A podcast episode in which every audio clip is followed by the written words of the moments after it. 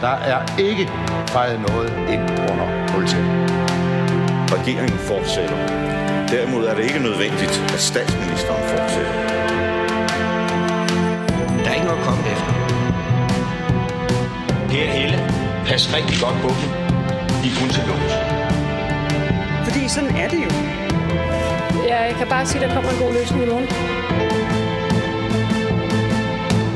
Velkommen til Ministertid, programmet, hvor en forhenværende minister interviewer en anden forhenværende minister. Mit navn er Simon Emil Amitsbøl Bille. Jeg er tidligere økonomi- og indrigsminister, men det skal ikke handle om mig. Det skal derimod handle om dig, Anne Birgitte Lundholdt. Velkommen. Tak skal du have. Du blev påtvunget at indføre CO2-afgifter for erhvervslivet af et flertal udenom regeringen i begyndelsen af 90'erne. Overvejede du, om du kunne fortsætte som minister efter et sådan nederlag? Ikke et sekund.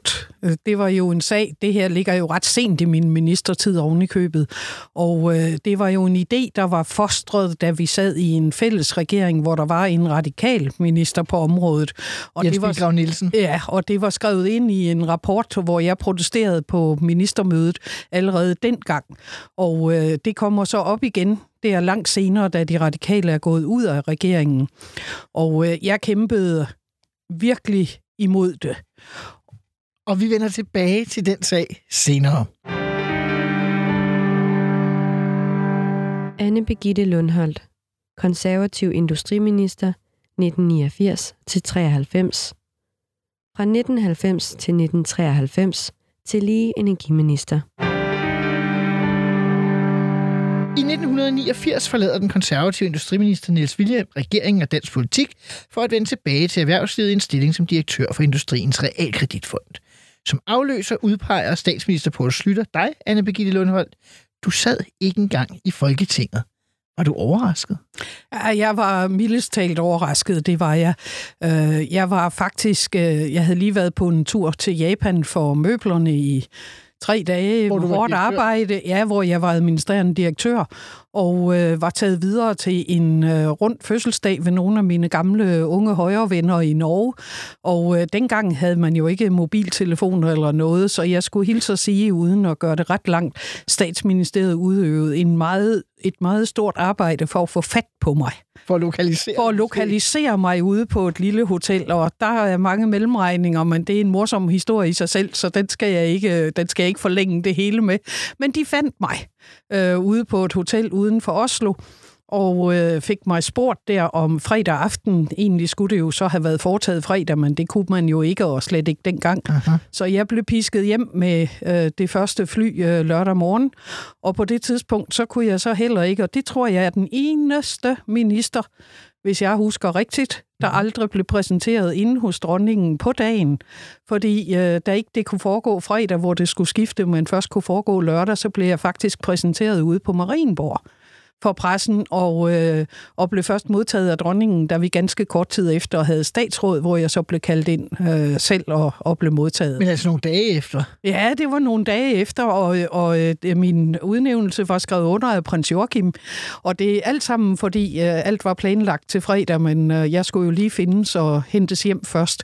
Så øh, jeg kan kun sige, ja, det var en stor overraskelse, og det var noget besværligt. Jeg skulle jo også øh, frigives fra en øh, direktørkontrakt, så Aha. jeg skulle jo have fat i både formanden og alt muligt for at informere dem om det, men det gik jo igennem, og så startede jeg, og så blev jeg hentet lørdag formiddag, da jeg var landet, havde fået klædt om i noget anstændigt tøj, så blev jeg hentet af, af en ministerchauffør ude foran, min, øh, ude foran min dør. En, jeg i øvrigt havde i hele perioden. En, det er jo sådan en, man virkelig får et tæt forhold til som minister. Ja. Som virkelig kunne se, at jeg var nervøs, og som øh, hjalp mig igennem hele dagen, så det var rigtig dejligt.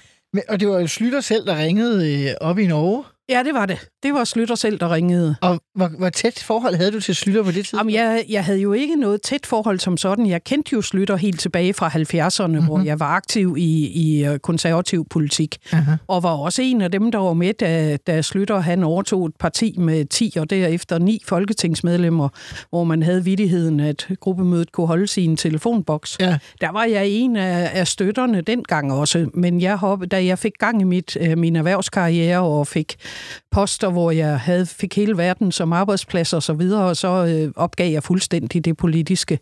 Men øh, beholdt mit medlemskab, så jeg var en af dem, der blev hentet udefra, der ikke behøvede lige at hoppe ind og få et medlemskort. Det havde jeg haft siden du. 1966. Ja, ja, så det var i orden. Så Slytter kendte mig, og senest han havde hilst på mig, det var, øh, da han åbnede Møbelmessen ude i Bellacentret, hvor jeg jo var direktør for ja. Møbelmessen.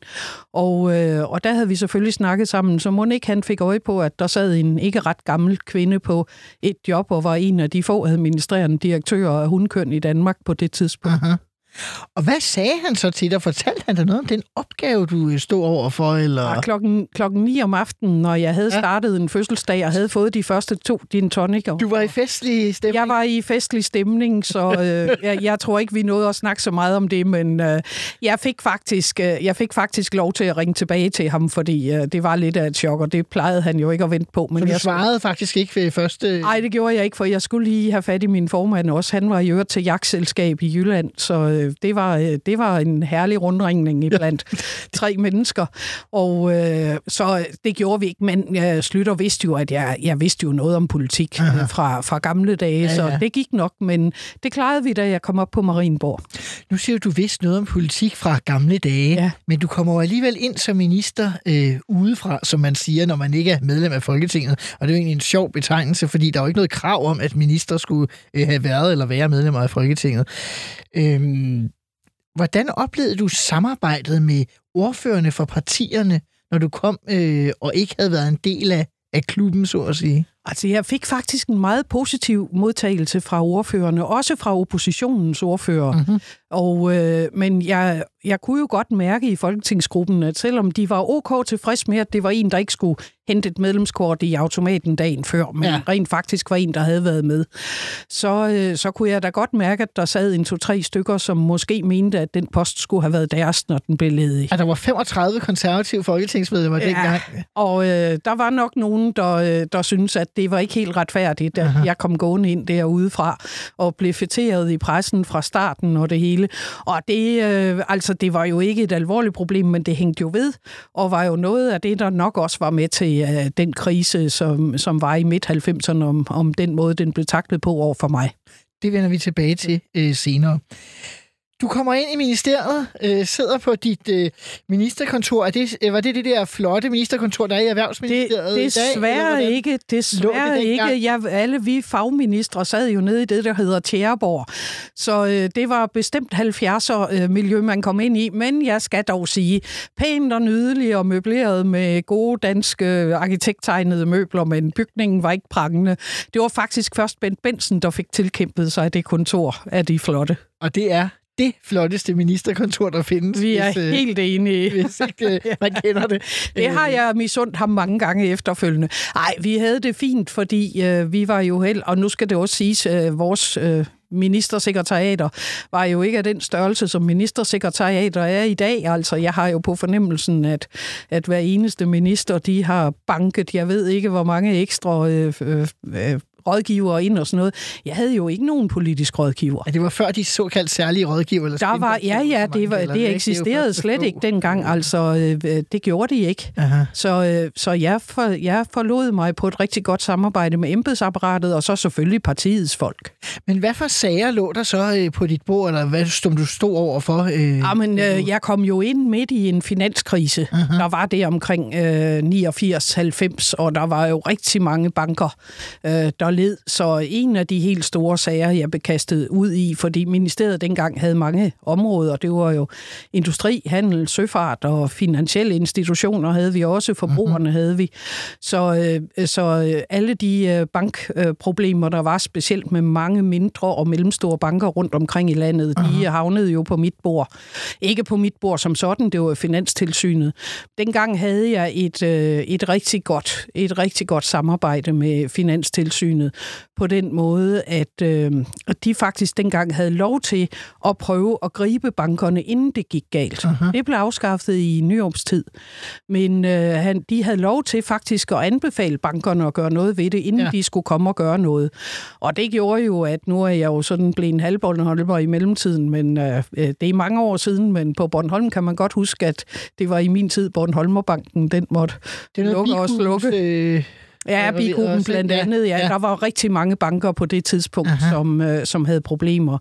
Og så endte jeg jo også øh, relativt kort tid efter min udnævnelse ind i Scandinavian Star. Øh, Ja. og, øh, og også dermed havde jo et, et meget, meget tæt samarbejde med nogle... Altså branden på, øh, færgen på, mellem på Danmark færgen og mellem. Danmark og Norge, som jo var frygtelig katastrofal. Og som der nu laves, jeg lige vil sige, en ny øh, undersøgelse ja, i forhold de kan, til... jo, de kan jo blive ved og ved og ved. Jeg ved ikke, om de nogensinde får opklaret, hvad der egentlig skete.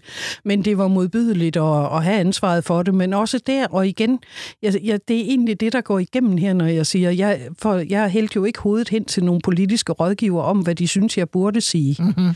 Jeg hældte hovedet på nogle sindssyge, professionelle og dedikerede folk i Søfartsstyrelsen, mm-hmm. som hjalp mig igennem både med fakta og med informationer, og hvordan det, øh, hvordan det i virkeligheden var. Og så måtte jeg jo takle det derudfra. Men jo begge de sager her, både med finans og med, øh, med søfart, hvor jeg, hvor jeg virkelig stod med nogle alvorlige udfordringer, der havde jeg også et rigtig godt samarbejde med Poul Slytter. Det var, nogle, af- ja, det ja. var nogle af dem, hvor øh, det er helt klart, at det var så vigtige sager, så dem skulle han både informeres om, men det fik jeg jo også gode råd om. Man kan sige, øh, tit når jeg har sådan øh, tidligere socialminister eller sundhedsminister eller sådan noget i studiet, så er det naturligt at spørge sådan om, der var nogle personsager, som gjorde noget særligt, og som var svært at få ud af hovedet osv. Men det er jo næsten det samme, tænker jeg, i virkeligheden med Scandinavian Star eller bankkrise og sådan noget. Det, det er jo meget alvorligt for de mennesker. Øh, noget, noget handler endda om død, og noget handler om familier og virksomheders falit og så videre. Altså, kan det undgå at påvirke en? Øh...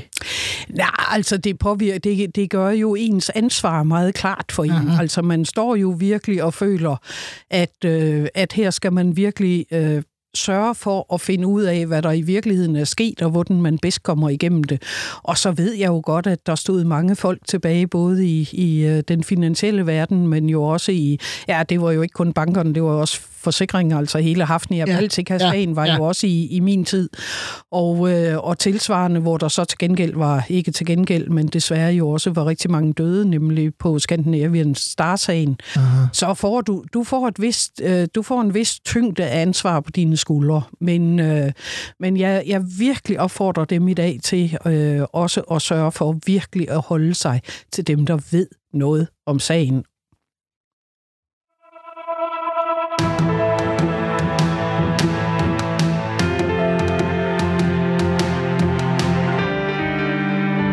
Folketingsvalget i 1990 fik de radikale deres dårligste procentvise tilslutning nogensinde, 3,5 procent, hvilket fik den radikale leder og økonomiminister, Niels Helve Petersen, til at trække partiet ud af regeringen og i øvrigt træde tilbage som leder af partiet. Det efterlod konservativ og venstre med en topartiregering. Du, Anne Birgitte Lundholt, får en ekstra ministerpost oven i hatten, nemlig posten som energiminister, som vi var inde på, du overtog efter den radikale Jens Bigrav Nielsen. Kan du huske, hvordan det foregik, da du fik den ekstra post? Ja, det kan jeg, fordi øh, nogen vil nok øh, påstå, at det var lidt overlegen. Jeg indrømmer, at øh, jeg gik rundt på Christiansborg. Vi havde jo ikke mobiltelefoner, men vi havde personsøgere. Som biber, hvis Som der er- biber, og så skal du ringe. Og, øh, og, og jeg, jeg indrømmer, at jeg ikke et øjeblik regnede med, at jeg skulle af med min ministerpost, så jeg gik som øh, ingenting. Det var der nok Du har også andre... kun haft den i et års tid. Ja, ja, og der er nok andre, der har sagt, at det var en lidt overlegen holdning, men i hvert fald, de fleste, de sad jo hjemme ved telefonerne. Jeg gik ind på Christiansborg og ordnede alt muligt, og så bipede den, og så ringede jeg, og så var det Slytter, der meddelte, at jeg ikke alene beholdt min ministerpost, men at jeg også skulle overtage det ministerium, der hed Energiministeriet. Aha. Det var til gengæld øh, et ministerium, jeg fik uden, at det blev sammenlagt med mit eksisterende. Så det betød jo, at jeg, at jeg havde to departementer og to ministerier og to kontorer og to af det hele. Hvor lang afstand var der mellem? Ej, det var Slottholmsgade, der var afstand, fordi Energiministeriet lå jo dengang i den gamle bankbygning lige over for, øh, for Tjæreborg. Så jeg skulle ud af døren og ind af den anden dør. Aha. Og øh, i løbet af... Ja, og samtidig så øh, gik det jo også efter kort tid op for mig, at jeg ikke alene havde overtaget det fra dem, men jeg jo også dermed havde fået skabt et... Ikke jeg havde skabt, men vi havde skabt et alternativ energiflertal, som bestod af Poul Nielsen, der jo stadig var fornærmet over, at han ikke var energiminister. Og Socialdemokrat, der var Ja, og under Anker Jørgensen. øh, med olieaftalen. Ja. Og, øh, og Bilgrav, der netop var gået af, og fandt Radikal, det som en, ja. en meget, meget øh, stor fornærmelse, at netop jeg skulle sidde i det sæde. De opfattede mig som en af industriens sorte håndlangere, tror jeg. Hvad jeg nu ikke er, det vil jeg sige, og det var heller ikke derfor, jeg var imod CO2-afgifterne. Det var noget andet. Og, øh, og så øh, SF, som i øvrigt var altid konstruktive. Altid konstruktive, også på det område. Hvem var det var, ordfører for SF, øh, kan du huske? Nej, okay, det er ligegyldigt. Det er ligegyldigt. Men, øh, det var Rishøj. okay. okay. øh, som i, Ja. ja. hvis stadig er professor nede i Sønderjylland. Ja, er han ja, ikke det? Det ja. ved jeg ikke, men ja. ja. Øhm,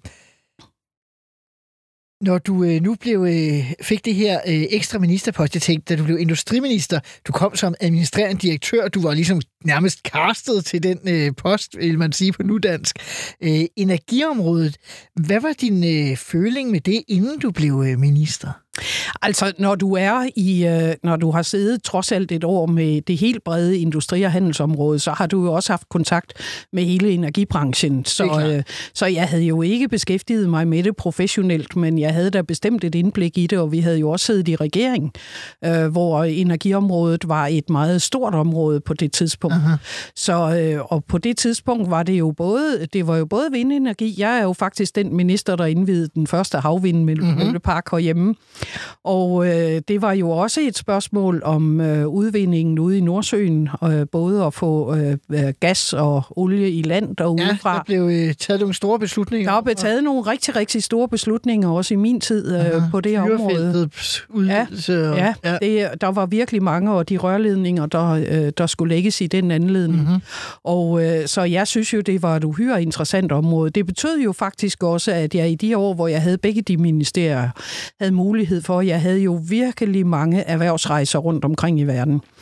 Og, øh, og kombinationen af både at have industrihandelsområdet og have, øh, jeg havde jo gjort også hele indre markedsområdet, som ikke lå i Udenrigsministeriet. Aha. Det lå også hos mig. Og så energiområdet gjorde jo, at jeg kunne lave nogle ekstremt interessante, og vil jeg sige, ikke kun interessante for mig, men også erhvervsmæssigt interessante øh, rejser til de lande, hvor, hvor det var relevant at blande dem. Og Jeg var jo faktisk, jeg var jo faktisk den første minister efter Tiaminpladsen, der øh, kom til Kina. Ja, altså efter erhverv- massakren på den Ja, himmelske fredsplads ja. i 89. Øh, og der var jo et langt stykke tid, hvor vi ikke kom derover. Mhm. Mm-hmm. Og øh, det, vi var ikke nået dertil, hvor hverken en statsminister, en dronning eller en udenrigsminister i form af Uffe, kunne, Uffe, Uffe Ellemann-Jensen. Uffe Ellemann Jensen, som vi jo netop har taget afsked med. Men øh, til gengæld, så kunne jeg komme afsted øh, med en erhvervsdelegation for sådan lige at snuse, og den var enormt stor. Mm-hmm. Og kineserne, de indlogerede mig i øh, den gæstebolig, de normalt indlogerer, øh, vil jeg sige, dronninger og Præsidenter, statsminister ja, og ja. præsidenter i, den var enormt stor. Jeg skulle råbe til mig selv igennem 30 meter i mit soveværelse.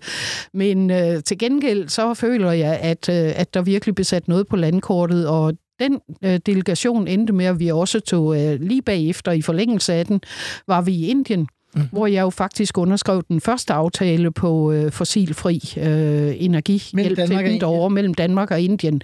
Den blev jo så desværre ødelagt Aha. på grund af, at vi ikke vil udlevere ham Niels våben. Holck-sagen. Ja, Niels Ja. Holck-sagen, Jeg har hvor vi ikke vil udlevere øh, ham. Lars Barfod i studiet som Ja. justitsminister, da den Og, sag, øh, og efter min mening jo, øh, altså den eneste grund til, at den blev så slem, var jo, at man ikke ville, øh, at man ikke ville øh, anke den til højesteret, for så tror jeg aldrig, det var sket. Men der blev det jo svært alt arbejdet nedlagt mm-hmm.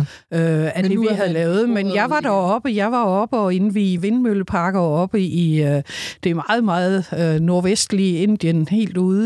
Og øh, jeg var faktisk også, for det havde også noget at gøre med, med gastilførsel og sådan noget, Aha. jeg var faktisk nummer to kvinde, der kom på den største øh, i det hele taget på en af boreplatformene ud for Indien, ud for Indiens vestkyst. Og du kan næsten regne ud, at den første kvinde, der var der, var Indira Gandhi, og Aha. jeg var nummer to. Ja. ja. øhm, så det var et, øh, jeg synes, det var et heldigt match. aha. Ja, jeg kan heller ikke lade være med, altså nu siger du, det var et heldigt match, når man ser det der med øh, med vores dages øjne, der står industri- og energiminister, så kan det jo godt lyde sådan lidt sort, hvis jeg må tillade mig at Ja. sige det. Mens Ja. i dag hedder det klima- og energiminister. Det lyder jo mere grønt. Det skal man ikke lægge så meget i. Nej, det skal man bestemt ikke lægge noget i. Øh, altså, vi havde mange, øh, mange slagsmål med det der alternative flertal, fordi øh, jeg, tror, ja, jeg tror jo simpelthen, at det var ligegyldigt, hvad jeg havde gjort, om så jeg havde taget nogle af, ja, det gjorde jeg faktisk en gang for sjov skyld, havde taget nogle af deres forslag og lagt dem frem, så ville de have påstået, at de var sorte, fordi de kom fra mig. Mm-hmm. Så, øh, så jeg, jeg tog mine kampe med dem, det gjorde jeg, men vi havde jo, det skulle jo trods alt også, hvad det også skal i dag, det skulle jo også hænge sammen økonomisk. Mm-hmm.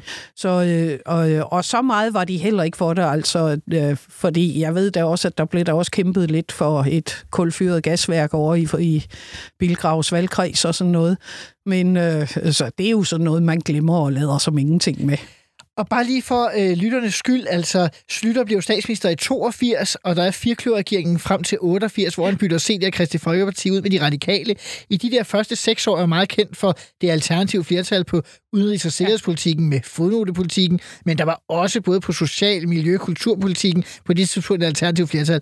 Det slipper I for i to og et halvt år med KVR-regeringen fra 88 til 90, men efter de radikale ryger ud i december 90, så opstår der nye alternative flertal herunder på det energipolitiske område, fordi de tidligere radikale regeringspartnere, der nu ellers er støtteparti for KV-regeringen, eller for KV-regeringen, går sammen med oppositionen. Noget, jeg også selv jo har oplevet som øh, minister med Dansk Folkeparti, der også ikke altid var så støttende, men mere et parti. Øh, de stiller et øh, beslutningsforslag på et tidspunkt, de her tre partier, som det alternative energipolitiske flertal, som vi talte om i indledningen, et forslag om, at der skal indføres CO2-afgifter for erhvervslivet, for at gøre noget ved, ved udledning af CO2 eller drivhusgasser, som man talte meget om øh, på daværende tidspunkt. Men du var ikke så begejstret for at skulle bare følge det her flertal. Kan du huske, hvorfor? Ja, det kan jeg, fordi det var jo et forslag, der bare blev taget fuldstændig ud af en sammenhæng. Ligesom i dag, så kan man jo ikke bare komme og sige, at nu laver vi en kæmpe skat på dansk erhvervsliv, og det skal så bruges til det. Du skal jo have det ind i en sammenhæng, hvor det er kørt sammen i en, altså en diskussion omkring den samlede skattebyrde. Du skal have kørt det ind på, hvad gavner det øh, både Danmark, men gavner det også bare det, at vi eksporterer jobbene. Mm-hmm. Så øh, for mit vedkommende var det sådan et løsrevet øh, demonstrationsforslag. Mm-hmm. Og det var, øh, det var meget morsomt, fordi øh, da jeg så havde været ude og sige, at det kom jeg aldrig til at stemme for, Mm-hmm. så kom den daværende politiske journalist fra øh, Kåre og Skov TV2. fra TV2 hen til mig, og så sagde han, ah, det ryger jo over i finanslovsforhandlingerne, og så siger Dyrmose ja til det, og så kommer det igennem alligevel. Og så sagde jeg, og det var med krydsede fingre virkelig, så sagde jeg, det gør det ikke. og øh, så sagde han, skal vi ved en, flaske, en god flaske rødvin? Og så, det vil jeg gerne. Og så sker der hverken værre eller bedre. Den kom nemlig ikke med i finanslovsforslaget. Vi havde, kæmpet, vi havde kæmpet. Det var et utidigt paradeforslag, og ikke noget med det. Og som jeg Men har der er læst så- til også noget, der jo i virkeligheden skulle gennemføres nogle år senere Præcis, på EU-plan, eller præcis, EF-plan, som og, det og diskussionerne helt op til i dag. Men det pussy er, at det, det forslag så skulle stemmes i Folketinget, og det var jo et beslutningsforslag. Ja. Da det skulle stemmes igennem i Folketinget, i det øjeblik, jeg trykkede på den røde knap, og resten af nej. regeringen gjorde det, og sagde nej dermed, så stod der en folketingsbetjent om bag ved min stol, og satte en fantastisk god flaske rødvin med et kort, hvor der bare stod, venlig hilsen Kåre, du fik ret. Og øh, jeg synes bare, at det, var, det er jo sådan en af de søde ting, der foregår på Christiansborg en gang. Aha. Jeg havde faktisk næsten glemt det vedmål, men jeg synes bare, det var, det var helt fantastisk af Ja. ham faktisk at Han gøre det og udføre det. Ikke? Ja, ja, ja. øhm, og så vedtager de jo beslutningsforslaget, Ja, det alternative de. flertal, Ja. og dermed kommer I også til at fremsætte øh, forslaget. Ja, der er heldigvis ikke noget at gennemføre noget. jeg, jeg har øh, været inde og se på, at det, det var jo både dig og så vidt jeg husker øh, skatte- og økonomiminister øh, hvad hedder Ja. det, Anders Fogh Rasmussen, ja. Ja. senere Ja, ja. statsminister, der stod Ja, ja. for det. Og det var nogle meget ophidsede debatter, I havde øh, med Folketinget. Ja, det var det, men øh, det kom der gudskelov ikke igennem.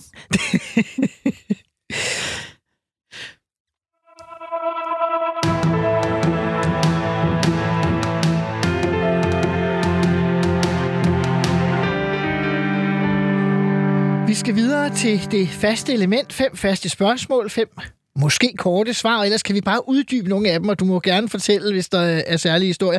Jeg stiller de samme fem spørgsmål til alle de ministre, der kommer forbi øh, programmet, og efterhånden er det nogle stykker. Øh, det første, det er, var der noget, du ikke nåede i din ministertid, som du gerne ville have haft gennemført?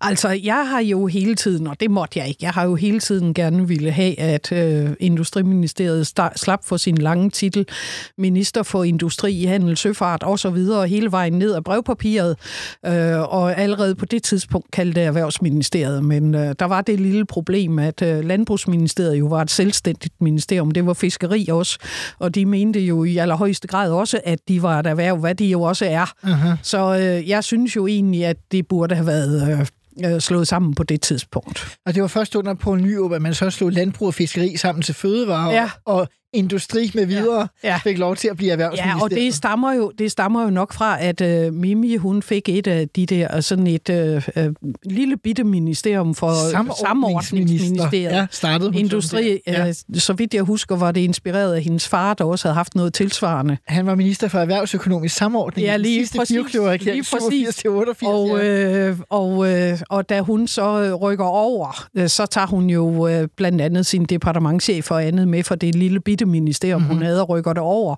Og så øh, fik hun, ja, Rosted? Ja. og så fik hun jo gennemført, at det hed det. Det skal hun have ære for, at hun fik gennemført det. Aha. Men øh, jeg havde jo også gerne set, der kom noget, altså noget virkelig med, fordi i mellemtiden havde de jo også rykket for eksempel den finansielle sektor væk og sådan noget. over i økonomiministeriet Ja, på det ja. tidspunkt, men den Ja. kom dog tilbage igen. Den kom tilbage igen, ja. økonomiministers Ja, øh, det gjorde bevidne. Øhm, hvad med på det sådan, politiske indhold? Fordi det her, det er jo sådan mere over... Er der også nogle ting, du tænkte, ah, den vil jeg godt lige have, have haft med? Øh, Jeg, jeg indrømmer, at politik udvikler sig jo hele tiden, Aha. og du kan jo aldrig sige, at du er blevet færdig med noget. det er jo det. Fordi hver gang du er, har fået gennemført noget, så er der jo noget andet, der udvikler sig, eller noget, man gerne vil have med. Uh-huh. Så jeg, jeg synes egentlig ikke, at jeg står sådan med et, et stort ben og siger, det vil jeg gerne have haft med. Nej, nej, det kunne også være små. Jeg læste for eksempel øh, noget af det sidste i de ministertid, der var der en del af artikler omkring øh, sådan noget som øh, lavere hotelmoms, var noget af det, du for eksempel... Ja, det er rigtigt. Altså, Ja, ja. Men det var jo også øh, hele turismeområdet, som ja. sådan lå jo også under mig. Aha. Øh, og det har du da ret i, hvis du tager, øh, hvis du tager det med, så kæmpede øh, jeg for, at, øh, eller sammen med turismen jo, øh, også jeg blev også formand for den senere, for at, øh, at øh, vi skulle kigge på det. Mm-hmm. Men der er jo ikke noget flertal for, øh, for øh, differentieret moms i Danmark. I øvrigt så kom jeg jo, øh, så, ja, der var også lige, nej, nu har jeg en ting, jeg glemt. Undskyld. Øh, lukkeloven. Det var det Den næste, jeg ville ville jeg jo om. sindssygt gerne have afskaffet lukkeloven. Mm-hmm. Fordi øh, jeg husker, at jeg prøvede jo at afskaffe bare nogle få ting i markedsførings- øh, og i lukkeloven. Og jeg blev simpelthen væltet over ende af en modbydelig kampagne. Inklusiv i min egen valgkreds ude i Vestjylland, hvor jeg i øvrigt stod ret godt. Men øh, de kristelige stod jo stærkt derude, og de, øh, de havde det mere det ene mere, og nu vil jeg godt sige, ondsindede personangreb efter det andet på mig derude i kredsen på grund af lukkeloven. Okay, hvordan foregik det? Jamen, det foregik jo ved, at man i lokalpressen øh, så fik nogle af sine proselytter til at stå frem og fortælle, at jeg stort set ville lukke hele Hernings bymidte, hvis jeg fik gennemført øh, det forslag. Og med mange sådan perfide bemærkninger øh, omkring det, og, og der fik jeg nok lige øh, syn for savnen for, hvordan man kan føre en ubehagelig valgkamp, det må jeg sige. Aha. Så, øh, men lukkeloven mener jeg stadigvæk. Jeg havde også, øh, jeg ændrede også i markedsføringsloven, Aha. eller ville have ændret. Ja. Og det var jo blandt andet at afskaffe de der forbud mod øh, reklame, øh, kuponer og sådan noget. Ja. Altså, det er der i dag, og folk kan være irriteret over, det er der, men hvorfor i alverden skal det være budt at lave det? Man kan jo bare lade være at bruge det, hvis man ikke gider. Mm-hmm. Og, øh, og det fik jeg altså også sådan på puklen for, at de to paragrafer skulle ændres. Det var også, at når du deltog i en konkurrence, øh, så stod der, at så skulle der være sådan et indhold af videns. Så hvis du skrev, hvad hedder dronningen, hedder hun Margrethe eller Victoria, og du så svarede rigtigt, så kunne du deltage i konkurrencen. ja. Jeg synes, det var Men du måtte ikke tåbeligt. bare købe et lod? Eller Jo, et lod, jeg eller synes, det var tåbeligt at have en... Jeg prøvede jo at rydde ud i paragraferne og have Ja. en decideret lovparagraf på sådan noget som det. Aha. Så jo, du, du fik lige tændt for et par af de sager, hvor jeg ellers tænkte, jeg har da egentlig ikke noget. Jo, det har jeg. Og det er jo det gode ved at stille spørgsmålene. ja. Hvad var din ministertids værste øjeblik?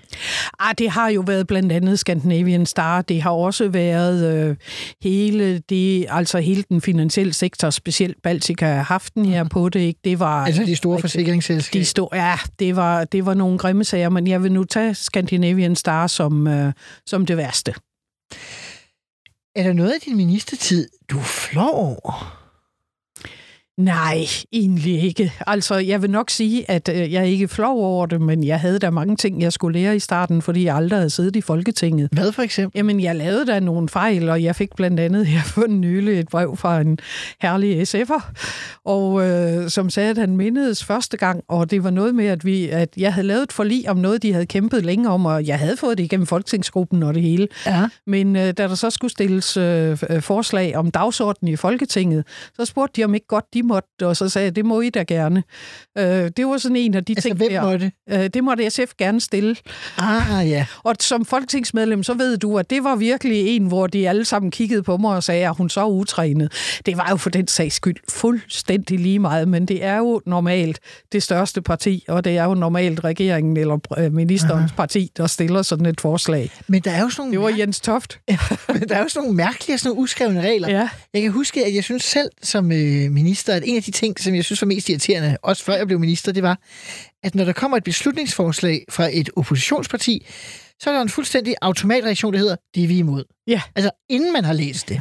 Altså, det er da øh, svært egentlig at forklare folk uden for Christiansborg, Ej, ja. hvad i alverden ja. mening med det er. Tror, tror du ikke, det er fordi, når oppositionen kommer med den slags, at så er det for at få debatten?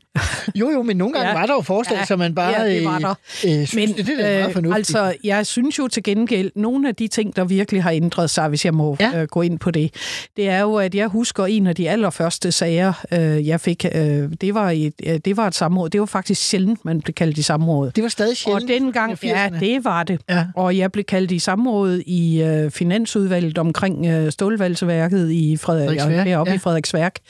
Og, ja, og det er altså, jeg har haft samfulde mine samråd uden at have embedsmænd med. Og det gælder de fleste ministre. Uh-huh. Det eneste sted, der var embedsmænd med, det var i Europaudvalget, hvor jeg skulle dække en 7-8 ministerråd, og der havde du jo embedsmændene med til at sørge for de der utallige mange sager, jeg sad med der hver fredag. Fordi jeg dækkede syv ministerråd på grund af min titel og energiministeriet Ja, og det ja. hele. Øh, men ellers havde jeg ikke med, og, og samrådene var i fortrolighed, og det gjorde jo, at du rent faktisk kunne få en udveksling. Ja, fordi der både er åbne og lukkede Ja, samråd. men og... dengang var der ikke åbne. Ej, det må have været dejligt. Det var, øh, jamen, det var jo ikke kun dejligt, men det var også mere produktivt. Jamen, det var det, jeg mente. Altså. Og Så jeg husker, at jeg kom ind til den der, Ja. ja. jeg havde virkelig, virkelig, virkelig læst sagen, fordi det var så få uger efter, jeg var kommet ind. Ja. Og jeg husker, at jeg fik ros af oppositionen for det samråd, fordi de sagde, pokker, godt nok sat dig ind i den sag, det er Aha. helt i orden. Og så fik jeg den faktisk landet på et lukket samråd i Finansudvalget. Var der slet ikke åbne samråd i din tid? Nej, nej. Det er først senere. Og øh, jeg husker, at vi i vores regeringstid sad og smilede lidt af, at vi på forspørgsel en gang helt hen mod sommerferien nåede til F-16 altså, på grund af forespørgsel nummer jærefly. 16 i Forspørgsel nummer øh, 16 i hele folketingsåret. Og, det er, øh, og, og hvis du fik en forspørgsel, så var det alvorligt. Ja. Altså, øh, den tog man virkelig alvorligt. Det gør du jo ikke i dag. Fordi der bliver jo stillet så mange, så folk er jo fuldstændig ligeglade med dem. Og samrådene, de bliver jo stillet bare fordi, øh, så har man, øh, håber, at pressen er der, og så læser man de taler op. Fuldstændig ligeglad med, hvad der bliver svaret på spørgsmålene, men det bliver læst op. Aha. Og det er ligegyldigt, hvem der sidder i, i regeringen. Ikke? Men det er... Det er, det Og det synes jeg simpelthen, at det har ødelagt det, øh, det, øh, det har virkelig ødelagt noget af det parlamentariske arbejde, efter min mening. det bliver vi to i hvert fald ikke uenige om. Nej. Vi går videre til... Har du nogensinde bagt en revkage? Har du lavet en revkage? Ja, det høre? har jeg. Denne her, denne her revkage er der faktisk ikke nogen, der kender til. Og jeg håber, at øh, jeg håber, at en person i energisektoren vil tilgive mig. Men øh, jeg skulle give en tilladelse øh, på et kraftværk. Øh, og øh, vi vidste, at, øh, at tilladelsen skulle gives. Øh, kraftværket befandt sig i Poul Nielsons valgkreds og i min hjemby. Og øh, der skete hverken værre eller bedre, end at vi bagte den kage, at jeg lod, Ej, ham? Øh, ja, øh, kraftværket og jeg bagte mm-hmm. den kage, at Paul Nielsen som folketingsmedlem for den pågældende kreds fik lov at stille forslaget, og så kunne jeg sige ja til det. Mm-hmm. Og så kom det igennem. Fordi Socialdemokratiet som opposition kunne stille forslaget. Præcis.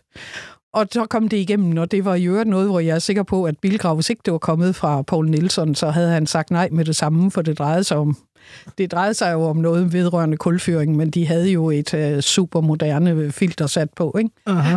Ja, så... Uh, En ja. klassisk revkage. Og derfor vil jeg sige nu, dette er en hemmelighed, Simon. Det er en virkelig hemmelighed. Det bliver mellem dig og mig det og bliver lytterne. mellem- Ja, det gør det, og, og måske, jeg ved ikke, øh, jeg, jeg ved ikke, om der stadig er nogen på kraftværket, der kan huske det. Det er jo mange år siden.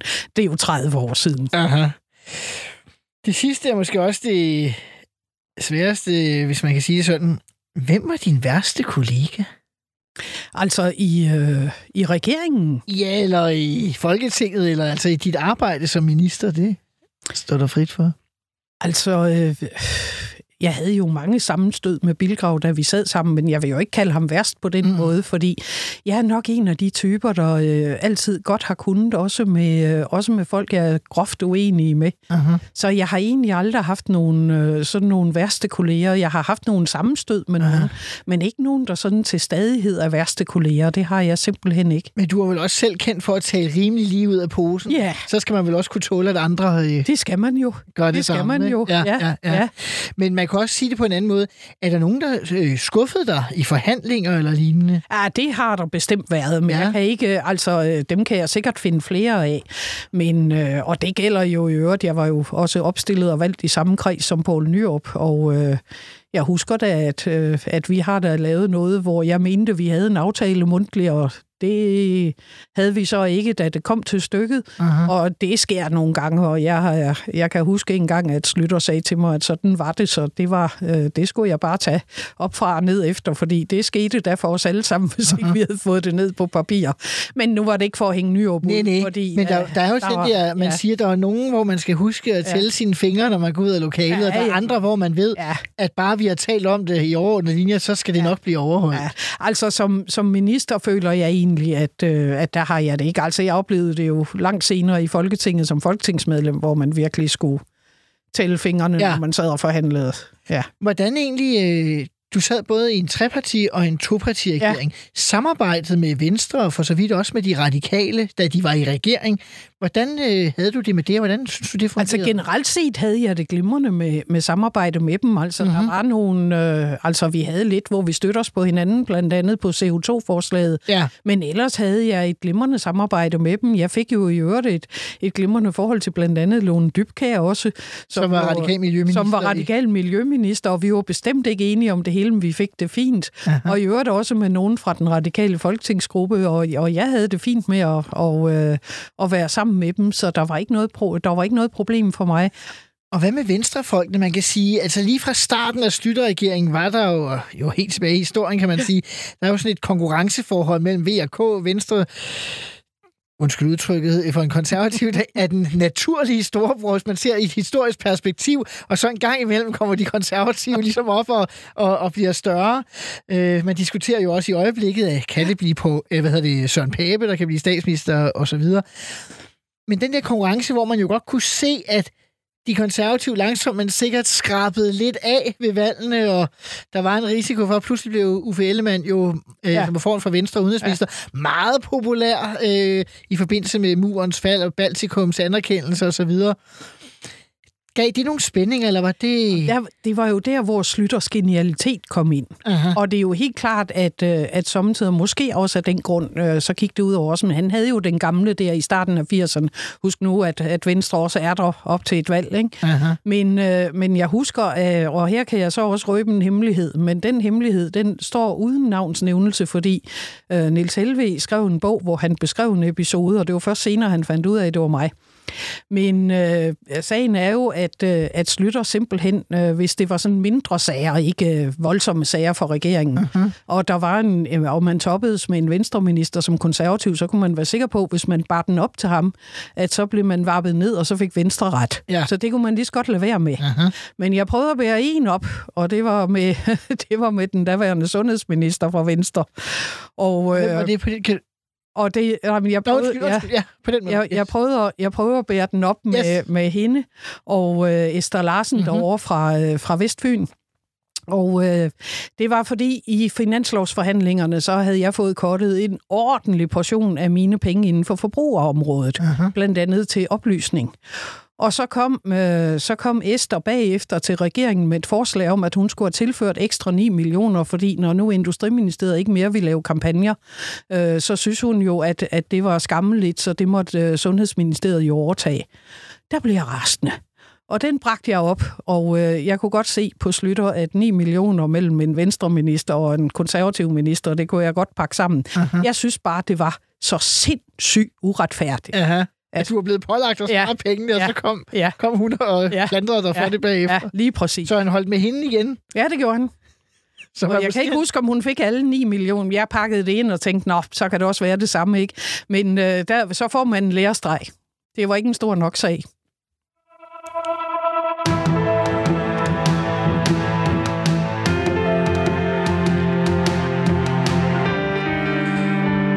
Danmark har i dag sin anden kvindelige statsminister, Mette Frederiksen. Den første, hvis nogen skulle have glemt det, var Helle Thorning jo fra 2011 til 15. Og man kan slet ikke forestille sig en regering uden kvindelige ministre i dag. Øhm, selvom vi stadig har til gode i øvrigt at se en regering med ligelig fordeling mellem mænd og kvinder. Da du bliver udnævnt til minister i 1989, Anne-Birgitte Lundholt, var du den kun tredje kvindelige minister for det konservative Folkeparti. Kun syv år tidligere kom den første øh, kvindelige minister for øh, det konservative Folkeparti, og kun året før kom den første fra det radikale Venstre. Venstre, øh, Venstre og Socialdemokratiet havde været lidt tidligere ude, øh, så der havde man set øh, flere. Hvordan oplevede du egentlig det der med at være kvindelig minister i en regering i slutningen af 80'erne, begyndelsen af 90'erne?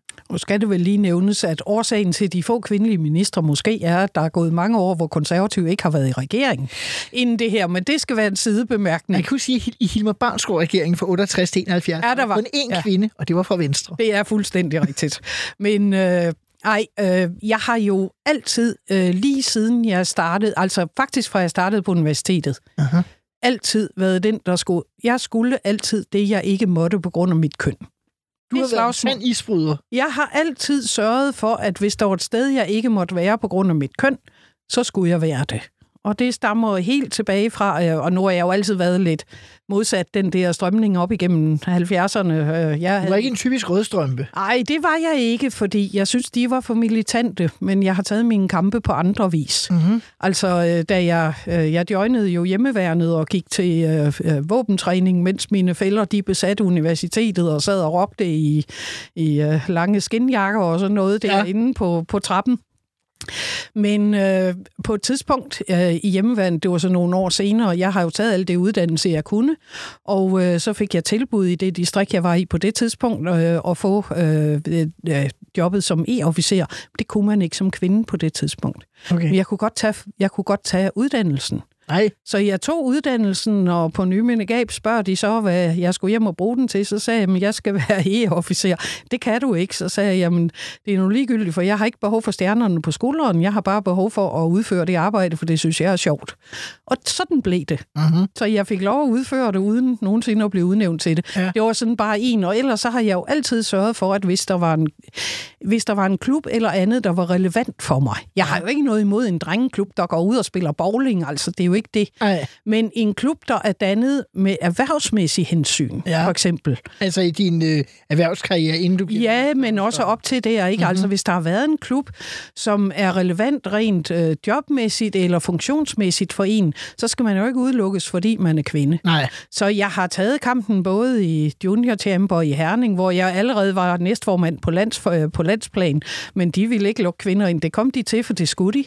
Og øh, jeg var første kvinde i Københavns Rotary Klub. Jeg har været første kvinde i adskillige jobs, og jeg ved, da jeg blev udnævnt til, øh, til direktør også i, øh, i slagterierne senere, mm-hmm. Øh, der ved jeg jo, at, at der var nogen, der, der sukkede og sagde, at hun kunne da ikke for eksempel tage til Japan og, og forhandle med japanerne inden for kødindustrien. Og svaret er, jo, det kan jeg godt. ja. Og jeg blev altid respekteret for det. Altså at komme derud, det kan godt være, at der ikke var andre kvinder, men de har Mhm. altid respekteret mig som det job, jeg var i. Men når du så kom ind på Christiansborg, hvordan Ja. øh, oplevede du så der? Jamen, jeg oplevede det overhovedet ikke. Okay. Altså, der, for mig var der ingen forskel, fordi jeg anså politik allerede på det tidspunkt som værende øh, et sted, hvor der ikke var nogen forskel på, om du var han eller hunkøn. Og jeg ved da godt, det tog lang tid, inden der så kom en statsminister. Aha. Det kan jo have mange årsager. De kunne jo bare have valgt mig noget før. Ja, det er det. Men, øh, men øh, jeg følte ikke, at, øh, at jeg var forment adgang på grund af mit køn. Det men følte jeg ikke. En af grunden til, at jeg spørger, det er også fordi, jeg tror, det var på Jyllandsposten, det var i hvert fald en af de store landstækkende avisers forside, der står på din udnævnelsesdag, i, eller dagen efter er det vel i 89, ja. Succespige udnævnt til Ja, det- minister. Ja, det er redselsfuldt, Og ikke? jeg tænkte, jeg kunne da ikke forestille mig, at jeg blev udnævnt til minister, der stod succesdreng udnævnt til Ej. minister. Altså, Nej, så det har jeg- sprogbruget var ja. det ret specielt. Jamen, det er rigtigt, og sprogbrud har jeg også altid kæmpet imod. Aha. Det har jeg. Øh, det eneste, jeg har rost af den her, det var en forside på børsen. Jeg har en mistanke om, at øh, Slytter også kom i tanke om mig der, fordi jeg præger på et tidspunkt i en i en strålende rød kjole og med stadig sort hår, øh, forsiden af børsens nyhedsmagasin med en stor overskrift, der hedder, og øh, billede billedet taget af Per Abraham der, øh, han er drøndygtig Aha. fotograf.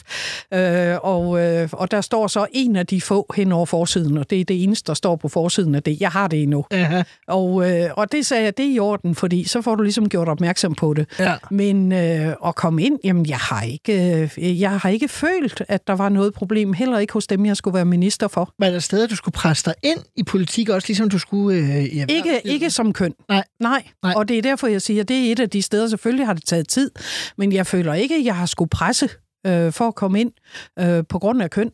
Det føler jeg simpelthen ikke.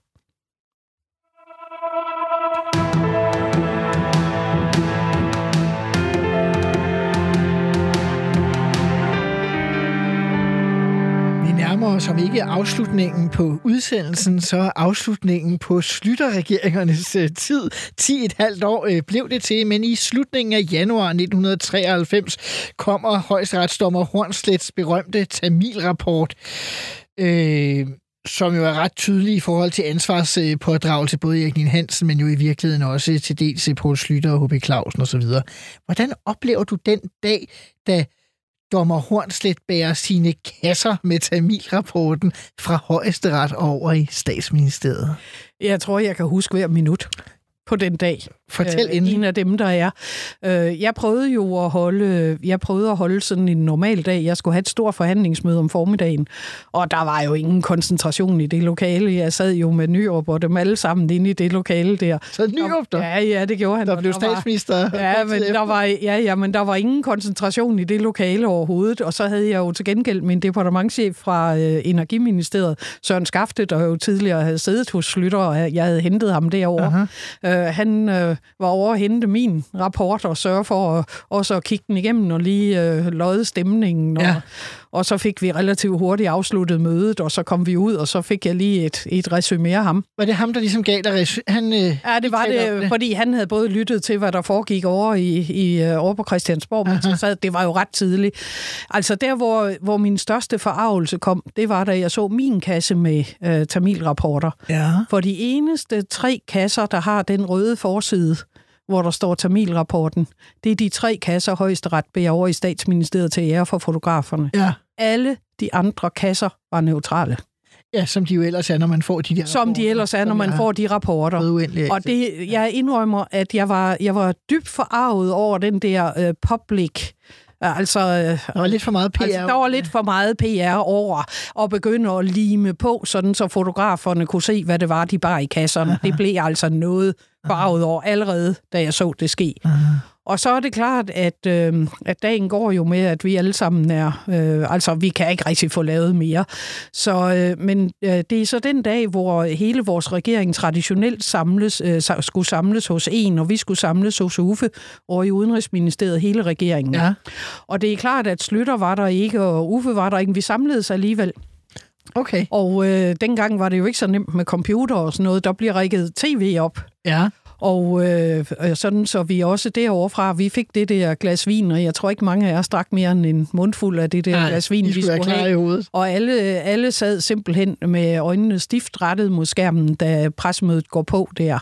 Og, øh, og fornemmelsen var der jo, det var jo, hele regeringen var jo ikke dybt involveret i alt, hvad der havde været Nej, nej. undervejs. Vi vidste bare, der var foregået en masse ting. Uh-huh. Så øh, jeg synes, at slaget der, da det for, ikke for alvor går op for os, for det var det jo, men slaget, da det bliver udtrykt, at nu går vi sådan set af, så kigger var det, der Slytter sagde det i Ja, fjernsynet? det var det. Jamen, vi, Op, altså, jeg. ja. det blev jo ikke sagt til hele regeringen. Vi vidste Nej. Jo godt, at det var undervejs. Ja. Altså.